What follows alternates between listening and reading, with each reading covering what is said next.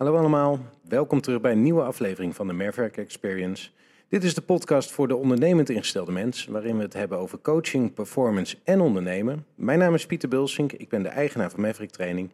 En vandaag heb ik uh, Gerald te gast. En uh, daar ben ik eigenlijk wel blij mee. Gerald is iemand die ik uh, al lang ja, een beetje geprobeerd heb om voor de microfoon te krijgen. Want Gerald is een van mijn trainers en wel met een heel interessant verhaal over zijn eigen sportloopbaan. Waarbij hij uh, nou ja, uh, ook op de Olympische Spelen heeft gestaan. En uh, ja, nou, het liep niet helemaal zoals hij wilde. normaal gesproken heb ik een, een drankje hè, voor iemand. En ik had bij Jeffrey geen drankje, want het was woensdagmiddag. Nou ja, het is nu woensdagochtend. En ik heb weer geen drankje. Sorry, Gerald. Kan gebeuren. Thee is ook prima. Ja, je bent meer van de thee. Hè? Sowieso geen... Je bent, drinkt eigenlijk helemaal niet, of wel? Nou ja, veel spannender dan een radertje en heel af en toe een uh, gin tonic. Uh, veel spannender dat gaat eigenlijk niet worden. Dus, uh... Ja, nou gelukkig, want de gin tonic zit ik nu nog niet op te wachten. hey, maar um, Gerald, ja, mensen hier die kennen jou als een multitalent. En eerlijk gezegd, zo ken ik je ook. we hebben elkaar leren kennen bij Red Bull, volgens mij, hè? Ja, klopt. Bij de Red Bull Athlete Challenge. Uh, jij was toen trainer van. Uh, jij moest invallen voor uh, Mart. Die was dat toen zijn been gebroken. Ja. En toen ging jij het fietsgedeelte ging jij toen verzorgen. Ja, want jij deed loopgedeelte, hè? Voor, ja, loop en de workout. Ja, voor de Red Bull 400, toch? Ja, klopt. Ja. Dus een, een groep mensen trainen voor Red Bull 400 in Oostenrijk. Waarbij je 400 meter tegen, tegen een skischans opspringt. Ja. Sprint. Heb je eigenlijk zelf ook meegedaan toen? Ik heb hem gedaan, ja.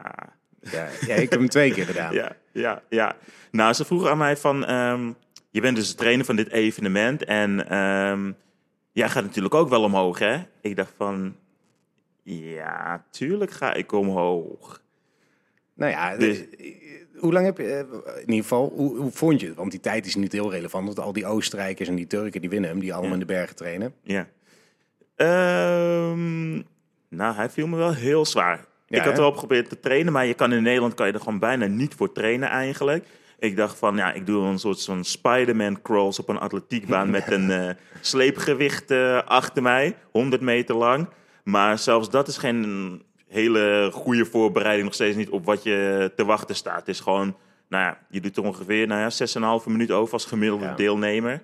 En uh, nou ja, je zit vanaf drie minuten in de verzuring. En als je kijkt van wat ik, wat mijn sportgeschiedenis is, dan snap je wel dat inderdaad uh, drie minuten in de verzuring, dat het behoorlijk heftig is. En, uh...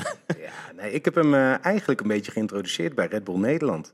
Ik ben de editie toen nog in Tauplitz geweest in Oostenrijk. En daar had ik zoveel zin in en, en dat ik Red Bull Nederland een berichtje heb gestuurd. En die krijgen natuurlijk heel veel van die buitenlandse events voorbij. En dus die hadden ze hier nooit aandacht aan besteed.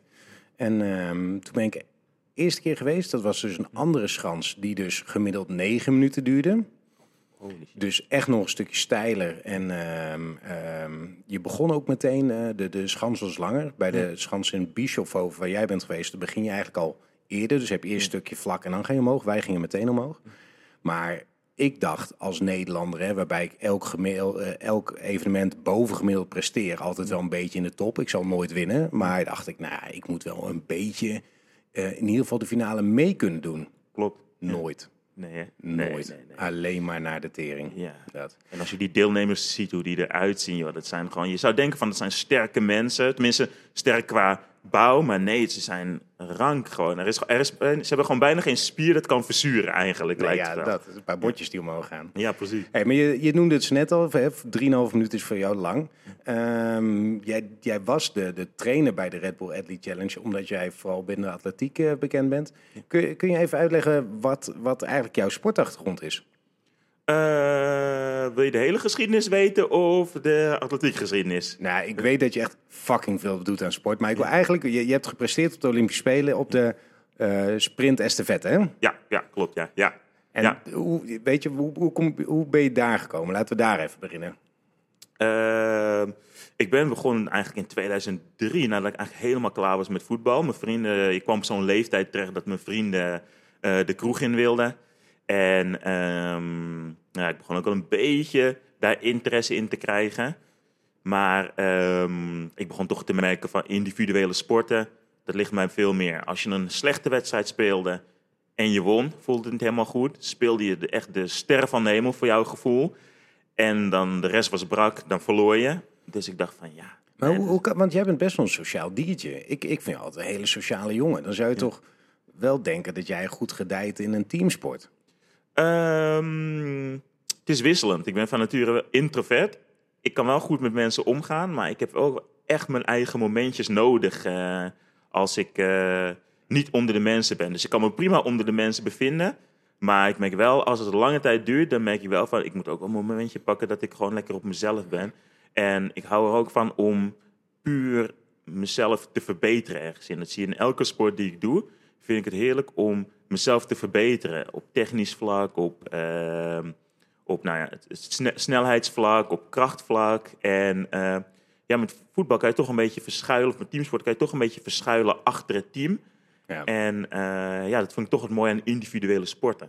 Maar als je dan uh, toch in een, in een team komt, want een, een, een estafette is natuurlijk ook een team, dan is dat natuurlijk voor jou, wat je net zegt, introvert, nou, beetje, maar dit, dit is dan wel een mooie mix, zeg maar. Want je, je loopt natuurlijk je eigen race zonder dat je het last hebt, tot het moment dat je het stokje moet overgeven, waarin je inderdaad een teamspeler moet zijn, toch? Zie ik dat goed? Klopt, ja, nee, klopt inderdaad. En het estafette verhaal is eigenlijk in Nederland en een paar andere Europese landen is het belangrijk geworden, omdat door de dominantie van de Amerikanen en Jamaicanen is er eigenlijk weinig kans, normaal gesproken, voor een uh, Nederlander, nou ja, tegenwoordig wel wat meer natuurlijk, om uh, prijzen te winnen. Dus hebben ze op een gegeven moment volop ingezet op de estafettes, want je kan heel veel wisselwinst halen uit de estafettes. Als je naar Amerika kijkt, in Jamaica, heb je gewoon vier snelle lopers die een stokje op wat voor manier dan ook overgeven en dan winnen ze. Ja. Als, uh, uh, en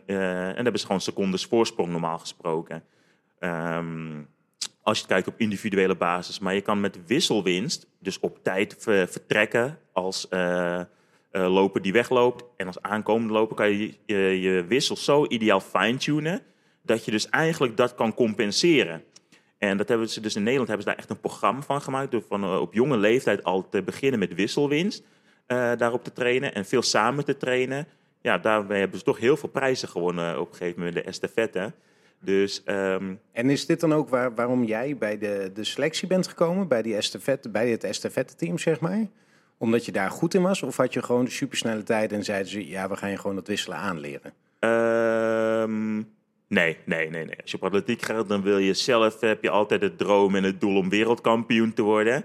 En estafette is een leuke, is, is, is leuk voor de bij.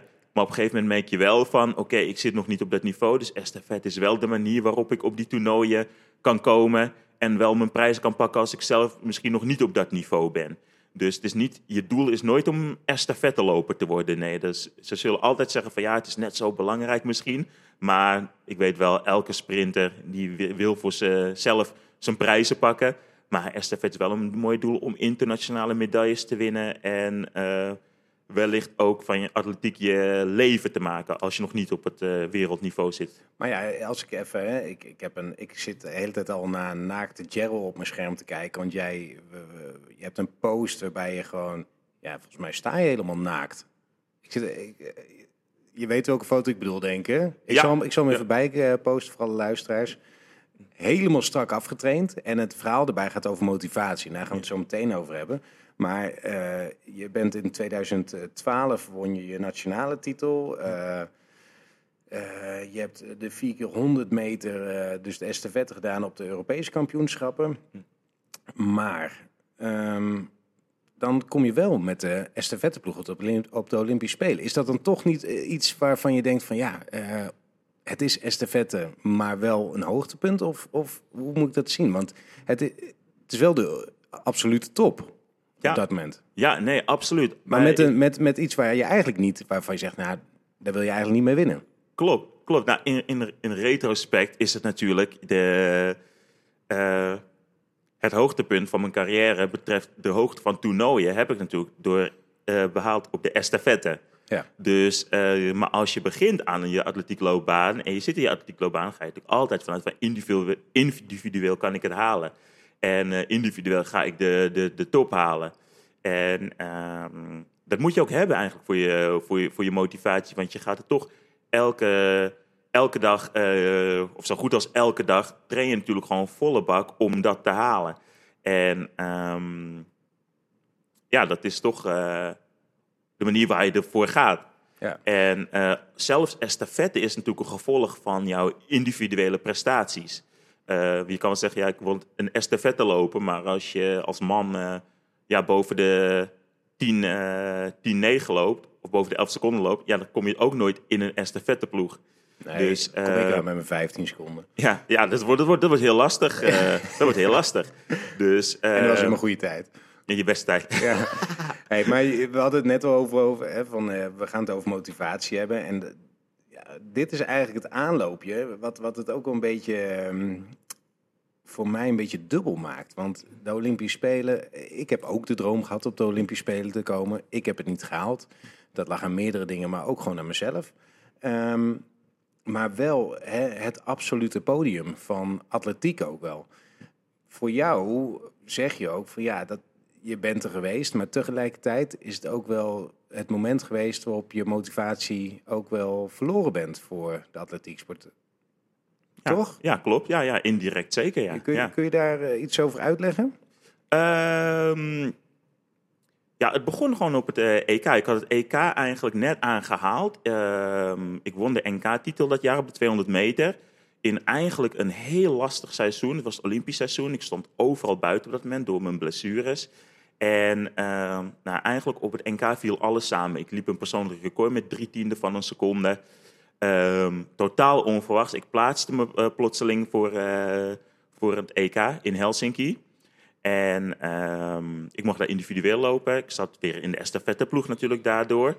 En er waren gewoon bepaalde uh, afspraken gemaakt. Het was nog niet zeker of een bepaalde loper uh, die ook individueel uitkwam op de 200 meter, of die de estafette zou lopen. Mm -hmm. Dus uh, er waren twee situaties mogelijk. Hij zou lopen. Dan zou ik op plek 1 komen uit mijn hoofd.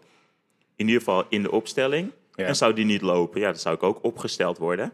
En um, dat is van tevoren bekendgemaakt in een teammeeting uh, van tevoren. Dus je zou sowieso lopen. Het ging alleen ja. om, ben je de eerste loper of ben je later? Uh... De derde loper, ja. Ja, ja, ja, ja klopt. Dus uh, die afspraken zijn gemaakt. toen hebben we volgens de series gelopen. Daar kwamen we doorheen. En dus dat betekent dus dat je dus... dat is eigenlijk direct de halve finale eigenlijk. Ja. En die heb ik dus gelopen. En... Um, volgende dag was de finale. Dus uh, ik had, we gingen al naar het stadion toe. Uh, ik dik in de zenuwen, want ja, je gaat je eerste internationale finale lopen. En um, ja, ik dacht, wow, dit is echt heel, heel gaaf. En um, we stonden daar klaar om in te, warm te gaan lopen, want je gaat warm lopen, gewoon met een stokje. Je geeft een stokje door. Mm. Dus eigenlijk om gewoon die, die, die wisselroutine te krijgen. En uh, de opstellingen, toen zei je van oké, uh, de opstelling voor de finale. Ik dacht oké, oké, yes, opstelling. En dan kunnen we beginnen met de echte warming-up. Nou, is die, die, die en die. Dus ik dacht nog een keer van, huh, wacht even. Ik dacht van, ik heb het misschien verkeerd gehoord. Dus ja, toen kwam de trainer naar me toe, die zei van, ja, de halve finale um, bracht je toch niet helemaal uh, wat ik op had gehoopt. Dus um, ik ga het toch in deze opstelling proberen. Dus uh, ja, dat is dan wel. Uh... En wat had hij van jou gehoopt dan? Um, ik was natuurlijk in topvorm. En ja. um, hij vond mijn bijdrage. Hij vond van dat ik wat ik heb laten zien dit seizoen, dat, dat die bijdrage in die estafette niet tot uiting kwam. Niet tot uiting kwam, inderdaad. Ja, ja. En dat hij dus met een andere loper zou beginnen die van nature een hele sterke starter was. Heel sterk was op 60 meter. En uh, dat dat meer zou kunnen brengen. Ja. En uh, ja, dat was natuurlijk voor mij een enorme schok op dat moment. Ja. En, uh... Maar je staat dus echt, je staat dus, hè, je bent eigenlijk al in die warm-up fase voor een finale. Ja. Dan hoor je dat je niet mag lopen. Ja. What the fuck? Ja. Uh, hoe, maar hoe, wat, wat doe je dan? Want je, je, bent, hè, je bent onderdeel van het team. Ja. Um, je, je, ik denk niet dat je dan met stoelen gaat smijten en dat soort dingen. Want ja, dan verpest je ook voor de anderen de, Klopt, ja. nou, de warming-up. ja. Hoe reageer je erop? Wat doe je dan? Ik was in shock eigenlijk, daardoor. Dus uh, nou, hij vroeg op dat moment van, uh, ga je de warming-up, uh, gaan jullie mee de warming-up doen? Ja, en ik, ik, ik zat daar. Hij zegt van, ga je mee? Ik zeg, mm, nee. dus uh, nee, ik heb de warming-up heb ik niet meegedaan op dat moment. En dat is niet als protest of zo, maar dat is gewoon vanuit, of misschien eigenlijk wel, maar niet bewust protest, maar meer vanuit shock van, ja, wat de fuck gebeurt er? Ja, van wat de fuck inderdaad. Van, zelfs als je ervoor kiest om een andere opstelling te kiezen. Um, je hebt twee scenario's genoemd. En um, op dat moment heb je gewoon eigenlijk... Um, nou, als coach, ja, ja, ja, je, je, je, laat iemand in de steek als coach. Je, je, laat iemand in de steek, inderdaad. En het is een... Uh, het is een coach waarbij ik heel erg tegenop keek. Ook als ja. jonge atleet toen ik net begon. Dus het voelt gewoon als een uh, steek in je rug. Ja. En als hij uh, misschien de dag, want het zal, hij zal niet tot in één keer tot die beslissing zijn gekomen. Als jij uh, dat misschien voordat we de bus in gingen, als hij even had gezegd: Hey Gerald, kom, uh, kom, even, kom even bij mij zitten of kom even bij mij staan. ik wil even met je spreken. Dan was het nog steeds een shock geweest. Maar nu was het zo in the heat of the moment, op het moment, dat je ja. eigenlijk een beetje in je hemdje wordt gezet. Dat je, ja, dat je gewoon eigenlijk een beetje in een shocktoestand bent. Ja. ja. Oké, okay, dat gebeurt hè. Dat op, op heel veel manieren anders gekund. Uh, wat je ook al zegt, maar het gebeurt. Um, daarna, want je, je bent een team hè, wat dat betreft. Je bent dus snel genoeg, om in ieder geval hè, in de series van meerwaarde te zijn. Uh, dat. Dan ga je richting de Olympische Spelen. Um, hoe, hoe, hoe, bereid je daarop voor? Hoe zorg je dan dat je hè, van, van eigenlijk van, nou, ik ben eerste of derde loper, naar ik ben reserve. En uh, hoe motiveer je dan om daar naartoe te trainen? Um, in mijn hoofd was ik nooit reserveloper eigenlijk. Um, ook, op, ook na dat EK niet? Uh, Nadat je finale niet mocht lopen? Nee, dat kwam niet bij mijn, hoofd, kwam niet, uh, bij mijn gedachten. Het was gewoon een incident en voor jezelf? En... Ja, okay. ja ze, werden, ze werden daar natuurlijk wel Europees kampioen. Dus ik had wel het... Uh, het helemaal, helemaal kut. Ja, even. ja, ja, aan de andere kant ook weer niet natuurlijk. Want dat was natuurlijk wel... Uh, ze wonnen, werden natuurlijk Europees kampioen. Dat is natuurlijk kut voor mij, was dat omdat ze natuurlijk... Uh, hij had wel gelijk. Hij had wel gelijk. En het is zo dubbel, want je wordt natuurlijk Europees kampioen. Jij was daar onderdeel van, dus je krijgt ook je medaille. Je bent ook, je bent ook Europees ja. kampioen. Je hebt de series gelopen. Je ook, hebt de series dus gelopen, inderdaad. Ja, je volgende dag krijg je horen van je mag naar de Olympische Spelen. Dus, dus ook dankzij die prestatie van hun mag je naar de Olympische Spelen. Dus dat maakt het zo dubbel. Dus ik was heel blij dat ik naar de Olympische Spelen mocht. Maar ik dacht wel van, oké, okay, ik ga mijn plek dan terugverdienen. Ja. Dus uh, het was heel erg dubbel wat dat betreft.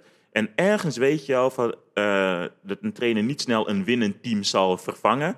Maar dat ging er bij mij niet in. En dan denk ik, zo mag je er ook niet in staan als sporter. Van oké, okay, leuk, ik ga erheen als reserve. En uh, ik ga het team ondersteunen. En dan word ik, uh, ja. ben ik reserve. Nee, ik dacht van nee, ik ga daar natuurlijk lopen. Ja. En ik zal eens laten zien dat ik de beste bochtenloper was. Die ik op dat moment ook was in Nederland. En ja, dat ga ik gewoon ja. laten zien. Beetje zoals de New Zealand All Blacks. Als je niet geselecteerd wordt voor het team, dan draait het meteen om in... Uh, Oké, okay, maar dan ga ik zorgen dat, dat ik het beste de gasten voorbereid... of het beste train, waardoor ik uiteindelijk mijn plek terugverdien. Precies, ja. ja. Oké, okay, dan de Olympische Spelen. Want ja, je bent er. Ja. Je hebt er knijteruit naartoe getraind. Hoe verliep dat? Um, de Olympische Spelen eigenlijk zelf. We gingen eerst op trainingskamp naar Barcelona omdat nou in Londen regent het uh, heel vaak. Ja, je, je, even ter verduidelijking, je was ja. op de Olympische Spelen in Londen in 2012. Ja, ja. ja. dus um, het is gewoon, uh, het regent gewoon heel veel. Je hebt de hectiek, de drukte. Dus de uh, estafette was, in, was de laatste twee dagen echt van de Olympische Spelen. Dus ehm, ja, en het Olympisch dorp is gewoon gekke huis. Dus we hebben ervoor gekozen om ons in Barcelona voor te bereiden. En we vlogen dan de laatste 14 dagen, denk ik, ervoor. Dus Olympische Spelen duurt drie weken. Dus we waren dan in totaal waren twee weken in het dorp. En um, ja, het is eigenlijk gewoon, leef je toch wel redelijk in een bubbel. Je gaat eigenlijk een dorp in. Het Olympisch dorp in. Beveiliging, uh, politiehond, de bus in, alles. En je zit gewoon in een, uh, eigenlijk een klein sportstadje eigenlijk, af, redelijk afgesloten van de buitenwereld. En dan bestaat het gewoon uit je normale sportleven eigenlijk. trainen, eten, slapen, trainen, eten, slapen. En, um, en tussendoor natuurlijk wel, nou ja, het eten gebeurt natuurlijk in de enorme sporthal. En, uh, of in een enorme eethal. Ja. ja, dat is wel een ervaring. Je loopt gewoon tussen allemaal freaks of nature. Uh, de ene hartstikke lang, de andere hartstikke klein. De ene hartstikke slank, de andere is heel stevig. Uh, ja, dan realiseer je wel van... Uh, dit zijn allemaal mensen die gewoon die helemaal vol gaan voor hun sport. En hun lichaam is daar ook helemaal op aangepast, op die sport. Ja, maar ja, dat zie je. Ik zit nog steeds met die naaktfoto van jou voor me. Dat zie je ook gewoon. Het is gewoon één brok beton, zeg maar. Dat, uh, dat alleen maar gebouwd is op, op snelheid. Ja. Op power vooral. Maar als je, want kijk, je, je, je zit dus uh, met EK. Zat je nog een beetje met EK in je achterhoofd dat je niet had kunnen lopen? Uh, het was inderdaad wel een. Uh, een uh, ik zat wel met één ding in mijn hoofd, inderdaad. Van ik zal laten zien van dat is. Uh, dat was de, niet de verkeerde keus, want ze wonnen. Maar wel van. Ik was de nog betere keus geweest. Ik was de nog betere keus geweest, ja. De series heb je gelopen? op de Olympische Spelen? Ja. Nee, Nee, nee, nee, nee, nee. Ik heb het hele proces niet gelopen. Um, de coach koos er in dit geval weer voor om de opstellingen helemaal niet te bespreken. Geleerd van het moment van daarvoor. Ja. Um, omdat eigenlijk pas voor de, vlak voor de warming-up van uh, de halve finale de heats eigenlijk uh, bekend te maken. Waarom? Je wil gewoon mensen tot op het laatste moment wil je ze gemotiveerd hebben. Ja. Ik wist wel een beetje wat de opstelling zou worden. Maar um, ja, je wil het. En, maar je leeft ook een soort van oogkleppen op van nee, dat gebeurt niet. En uh, ik ga lopen. En dat is ook hetgene wat ervoor zorgt dat je elke training weer maximaal gaat. En, uh, Want hoe, hoe heeft uiteindelijk het estafette team het gedaan? Op de Olympische Spelen weet ik even niet uit mijn hoofd. Um, ze zijn zesde geworden. Dat is dus de best, beste. Best knap, ja. ja. Ja, heel knap inderdaad voor de kwaliteit die, ze, die we toen hadden. Ja. En um, uiteindelijk is het de vijfde plaats geworden omdat een. Uh, Amerikaan uh, de verkeerde snoepjes had uh, gegeten. dus uh, die werden, die, werden een plekje, die werden gedisqualificeerd. Dus wij ja. schoven een plekje op. Okay. Um, als je dan terug zit in het vliegtuig hè, vanuit Londen, wat, wat voel je dan? Ben je dan trots? Ben je dan blij? Ben je euforisch? Hè? Een vijfde plek, ja. nou, zesde plek, vijfde plek. Hoe, hoe voel je? Ben je verdrietig? Ben je chagrijnig? Ben je... Uh, ik was trots op het team. Enorm trots op het team wat ze hadden gepresteerd. Wat we samen eigenlijk hadden gepresteerd. Maar ik voelde me wel een beetje erbuiten zitten eigenlijk. Uh, dat je, um, bij het EK had ik het nog wel iets meer. Want je hebt gewoon een, bij, een actieve bijdrage geleverd. Uh, maar als je reserve bent geweest, ja, je voelt je toch een beetje het team plus jij. Zij hebben een ervaring gehad in het stadion. Uh, zij zijn de callroom in geweest als voor, ja. voorbereiding. Zij hebben, zijn, oh, zij hebben in een vol stadion gestaan. En, uh, dus het, ja, je voelt je eigenlijk als een team plus één inderdaad. Dus dat, dat voelde een beetje leeg. En daarnaast is natuurlijk ook, het was een proces van, nou ja, richting deze Olympische Spelen van vier jaar. Dat het in mijn hoofd realistisch was en alle opofferingen die ik ervoor heb gebracht. Verhuizen naar Papendal, uh, gekozen om fulltime trainer weg te gaan bij familie. Uh, en um, dat is ineens ten einde, dat, pro, dat vierjarige proces. Dus dat brengt ook een soort van uh, leegte met zich mee. Ja. En als je dan daarna kijkt, hè, want je, je bent daarna je motivatie verloren voor de sport. Uh, in ieder geval ja, je, je, heb je nog kunnen opladen om echt te knallen? Laat ik het zo, laat ik het anders zeggen. Even kijken, op de lange termijn heeft het me wel wat gekost. Op de korte termijn was het toch van, uh, volgend jaar is er een WK in Moskou. Ik heb een persoonlijk record dit jaar gelopen. Ik hoef maar, nou ja, twee tienden is nog steeds veel, maar ik hoef hem twee tienden te verbeteren om individueel erheen te gaan. Ik kan het. Uh, en ik zal laten zien inderdaad van ehm, dat ik dat ze, ik zal ervoor zorgen dat ze niet meer om me heen kunnen. Ja. was, dat, was dat de juiste motivatie? Achteraf gezien denk ik niet, omdat het dus toch uh, uh, een beetje gebaseerd op revanchegevoel. Ja. En ik merk voor mezelf, ik ben van nature een uh, optimist, een positief ingesteld persoon die zichzelf wil verbeteren. Ja, en je bent ook, weet je, met, met alle respect, je bent echt een zacht ei. Jij, bent, jij bent gewoon, ja, maar je bent een lieve gast. Dus ik, ik, volgens mij kun je niet heel lang boos zijn of wraak hebben of uh, zo ervaar ik jou niet in ieder geval. Klopt, klopt. Dus het is dus past ook eigenlijk helemaal niet bij je. Klopt. Het was dus eigenlijk een gevoel dat niet bij me past. En uh, ja, als, als je het je eigen maakt, sommige mensen die altijd boos lijken. Maar als je het niet bent, inderdaad, dan is het, uh, ja, zoals ik het noem, ja, negatieve brandstof. En ja, je kan het wel een tijdje volhouden. Maar de uitstoot van die brandstof heeft, heeft op een gegeven moment gewoon een negatieve eh, werking. Dus, uh, en hoe heb je gepresteerd op dat WK? Uh, ik was weer reserve.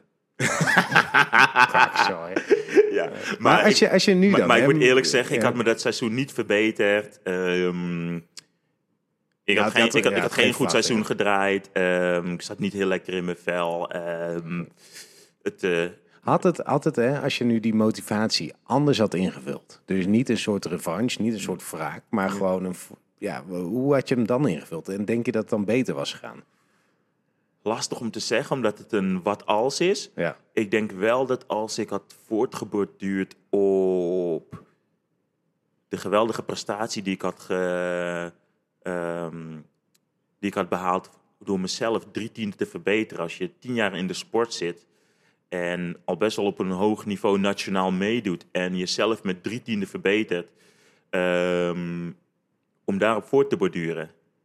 En dus um, als ik dat mee had genomen, dan denk ik van um, meer op die flow was gaan rijden, dan had ik misschien wel uh, mezelf meer kunnen verbeteren. Want nu was het heel erg krampachtig. En lopen is ook, uh, sprinten is ook ontspanning, voelen, flow. En op, het is natuurlijk in films is het hartstikke mooi dat de, dat de sporter gemotiveerd is, standen op elkaar, uh, uh, uh, krijzen, kreunen ah, en zo. Dat is wel, ja. hartstikke mooi.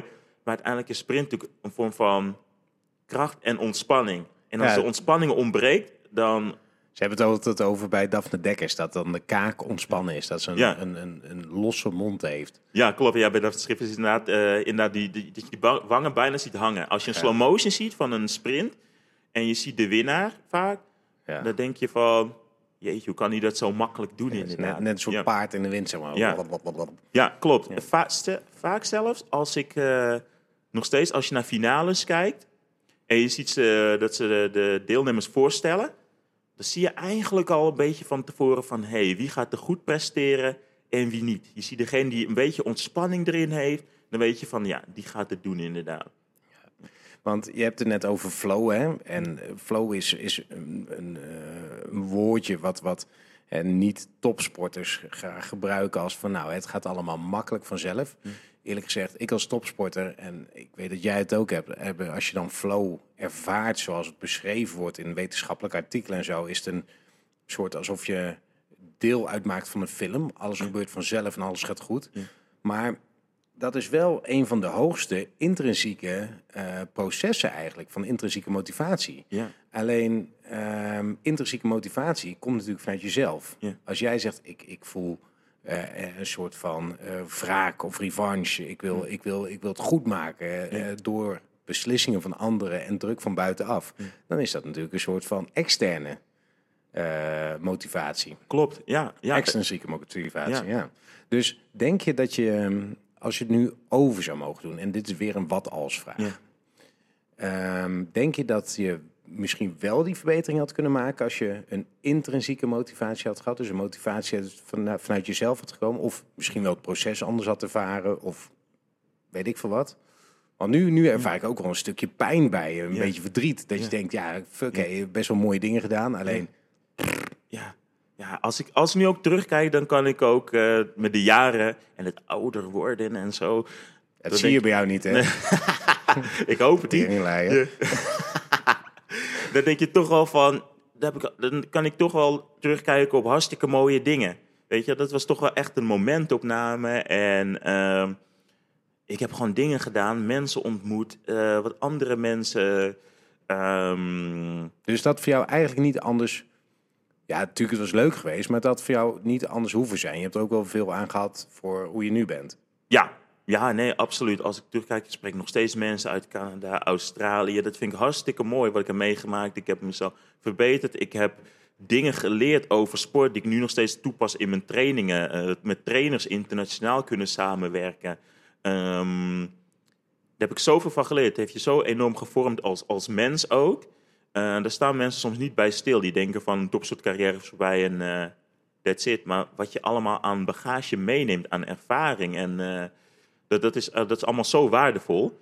Um, en doe je dan ook nog wat met, met hè, de ervaring wat je dat jij eigenlijk hè, uh, voor je gevoel, want kijk, um, als je het wetenschappelijk bekijkt, dan is motivatie heel erg dopamine geregen, gereguleerd. Dus ja. hè, je, krijgt, uh, je krijgt een boost omdat je een succeservaring hebt. Ja. Nou, jij zit daar op je all-time high succes. Ja. En je krijgt eigenlijk die erkenning niet, die krijgt die dopamine stoot niet. Nou, dan heb je het jaar erachteraan naar Moskou toe, zeg maar.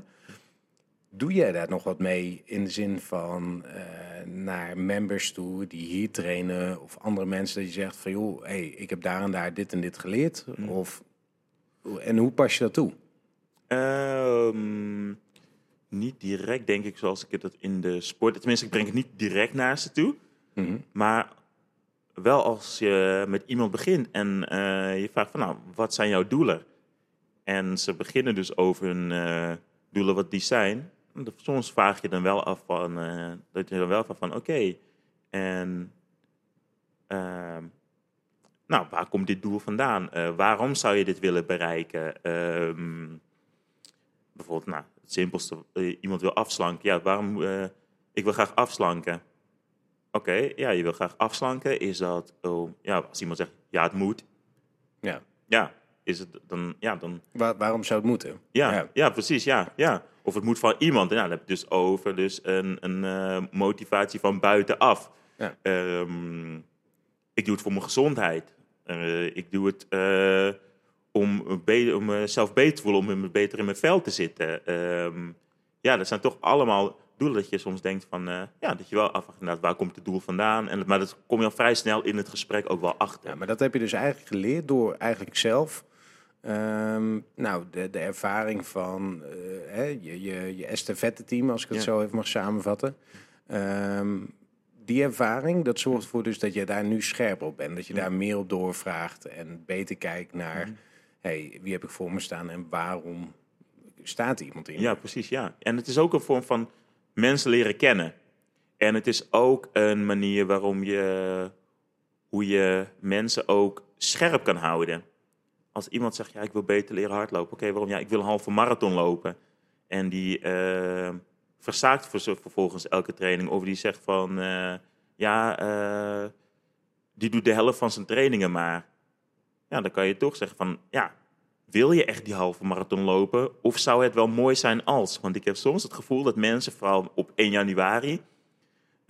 dat vind ik ook de lastigste groep inderdaad. Want als je graag iets wil dan begin je nog liever, tenminste in mijn geval, hè, dus ik kan natuurlijk niet voor spreken, maar dan begin ik nog liever vandaag dan morgen.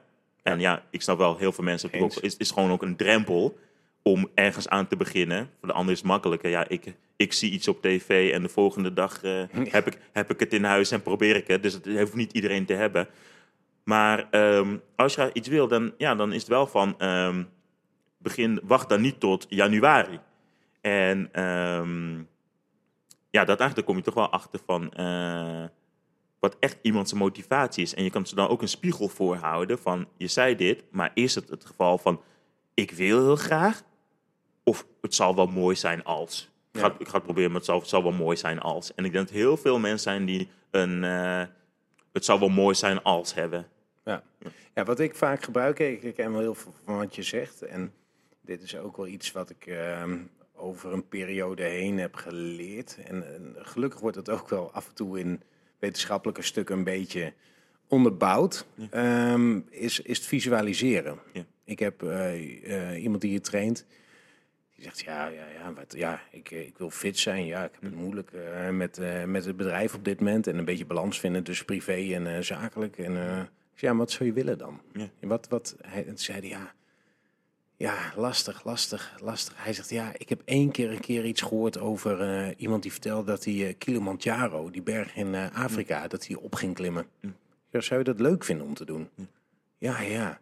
Ik zeg, ja, maar dan, dan maken we dat toch als kapstok. Ja. Dat jij, zeg maar, visualiseert hoe je omhoog gaat. En welke kracht, welke energie je daarvoor nodig hebt. En dat is inderdaad wat jij zegt, het, het stokpaardje waar je de hele tijd op terugpakt. Van hé, hey, luister, als dat het doel is, dan moet je nu werken. Dan moet je nu dit doen. Dan moet je nu zorgen dat je fit bent. Of, hé, hey, rustig aan, sheriff, het duurt nog even. Uh, niet hard van stapel, stapel lopen. Maar het, het, het grappige is wel dat daar uh, best wel veel onderzoek naar is gedaan. Het visualiseren. Hè? Ik weet dat jij dat met atletiek ook veel uh, hebt moeten doen. Voor een race. Tot nu inderdaad met, met doelen stellen of met motivatie.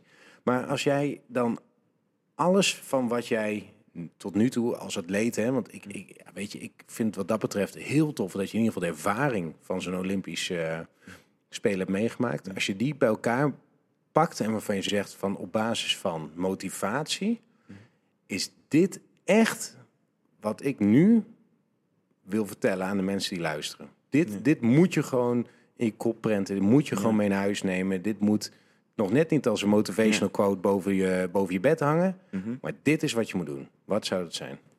Ehm, ik zet je een beetje uh, on the spot, sorry. Ja, ja, het geeft, het geeft niet voorbereid. nou, wat ik toch enorm heb, is wat je net zegt over het visualiseren ik denk wel van, um, ik ben totaal niet van motivational quotes. Ik ook niet. Uh, je hoort heel vaak mensen zeggen, if you can dream it, you can do it. Ook niet altijd het geval natuurlijk. Maar je moet het wel voor je hebben gezien, denk ik. Ja. En uh, op het moment dat ik met atletiek begon, dat is wel heel mooi. Ik had een trainingsgenoot. Uh, wij waren ongeveer net zo goed ik won het NK toen. Ik heb, en uh, hij werd tweede. En vervolgens toen hadden we een gezamenlijk interview. En ze vroeg, ik was toen 16 jaar oud. Uh, ik was 16 jaar oud. En ze vroegen van, ehm, wat zijn je doelen verder? En ik was heel uitgesproken van, ik wil ooit de Olympische Spelen halen. En um, daar wil ik vlammen op de Olympische Spelen. Dat was toen die van 2008, dat was wel iets te vroeg. Ja. Maar uh, die van, ik zei van, ja, ik, wil, ik wil vlammen op de Olympische Spelen. En meedraaien in de wereldtop. En hij zei van, uh, ja, ik wil het ook wel goed doen, maar ik zie wel lekker hoe het verder loopt. En dan toch, als je dan terugkijkt aan het eind van de carrière, ben ik doorgegaan. En ik ga nog steeds heel goed met hem inderdaad, heel goed met hem om. En, uh, maar dat vind ik wel grappig om te zien inderdaad. Dus ik heb het toen al, toen ik atletiek begon, heb ik het in mijn hoofd gezien. Er is heel vaak gezegd van ja, dat haal je niet. Of atletiek, ja, maar wat doe je voor het echi? En um, dat heeft toch altijd wel in mijn hoofd gezeten. En um, dat is het ook. Je moet het wel voor je kunnen zien. En dat betekent niet dat je er al met je hoofd moet zijn, want dat is ook de valkuil voor mensen. En uh, ze moeten zich ook uh, realiseren wat je ervoor moet doen. Um, iemand die ik ken, die heeft me ooit verteld over dat het Walt Disney-concept. Dus eigenlijk... Dat, Ken ik niet, leg uit. Nou, Walt, Walt Disney is, uh, is nou, de bedenker van Disney dus. Ja. En die heeft dus eigenlijk, het concept houdt eigenlijk in van... je ziet gewoon je ideaalsituatie voor je. Je, maakt het, je mag het zo gek maken als je wil. Uh, weet ik veel, uh, astronaut, de Olympische Spelen winnen... En vervolgens ga je het eigenlijk gewoon uitschrijven van ja, maar wat is daarvoor nodig en hoe ga ik het houden? Dus eigenlijk ja, smart formuleren, maar wel van je maakt je droom zo gek mogelijk als je kan. Maar vervolgens moet je wel zeggen van wat is daarvoor nodig om dat doel te behalen. En dat is net als mensen van ja, ik wil graag afvallen. Ja, er is gewoon wat voor nodig. En je moet, je moet het gewoon uh, doen. Je moet het doen. Je ja. moet het doen. En um, en er zijn geen, er zijn geen shortcuts. Dat wordt natuurlijk heel vaak gezegd. Maar ja, je kan dingen zo gek maken als je wil. Maar je moet het eerst voor je hebben gezien. En vervolgens moet je het ook uh, kunnen uit uh, kunnen schrijven. En stap voor stap kunnen bedenken van hoe kom ik daar. Oké. Ja. ja. mooi. Mooie, mooie samenvatting eigenlijk van een heel verhaal. En uiteindelijk, je moet het gewoon voor je zien. Je moet die motivatie gebruiken om uh, uiteindelijk daar gewoon slim naartoe te trainen. Of te werken, of waar je dan ook wil. Gerald, bedankt voor je mooie inzicht. Mooi verhaal ook. Ik, ja. Eh, het is eigenlijk de eerste keer dat ik daar zo uitgebreid met je over heb kunnen praten. Maar wel super interessant. Ja, meestal gaat het over cavia's en zo, hè? Oh ja, je cavia. Jij bent serieus de enige hè, die het voor elkaar krijgt dat ik iemand condoleer met de dood van zijn cavia. Ja, dat heb ik nog nooit gehad. Dat ik iemand echt. Bij jou, jij bent hè, wat dat betreft een zacht ei, lieve gast. Dat ik denk, ja, maar kut, cavia is dood. Ik moet hem echt even een berichtje sturen. Je moet bedenken dat we wel heel dicht bij de cavia staan als mensen. Hè? Als een van de weinige dieren die zelf vitamine C kunnen produceren. Dat kan de cavia ook niet. En mens ook niet. Dus we staan dichter bij de cavia dan we denken. Dit is de verkeerde podcast, Gerald. dit is de verkeerde podcast voor cavia. Hey, maar uh, ik ga hem afronden, want uh, we zijn echt qua tijd er wel een beetje doorheen. Um, dankjewel. ik hoop dat je nog een keer voor de microfoon kan krijgen. Ja, zeker leuk. Voor nu, wil je nog meer luisteren over coaching, over performance, over ondernemen? Blijf dan lekker eh, bij Maverick Training, uh, de podcast. Je kunt ons volgen op Instagram, LinkedIn en Facebook. Uh, scroll lekker door de podcast heen. Elke twee weken uh, is er weer een nieuwe aflevering van de Maverick Experience. Ik zal voor deze aflevering de naaktfoto van Gerald, wel, wel netjes naakt, zal ik er even bij posten. Kun je een beetje zien uh, hoe uh, Gerald er afgetraind uitziet. Niet te vinden op OnlyFans. Nog niet. hey, dank jullie allemaal wel voor het luisteren. En ik hoop heel graag tot de volgende keer.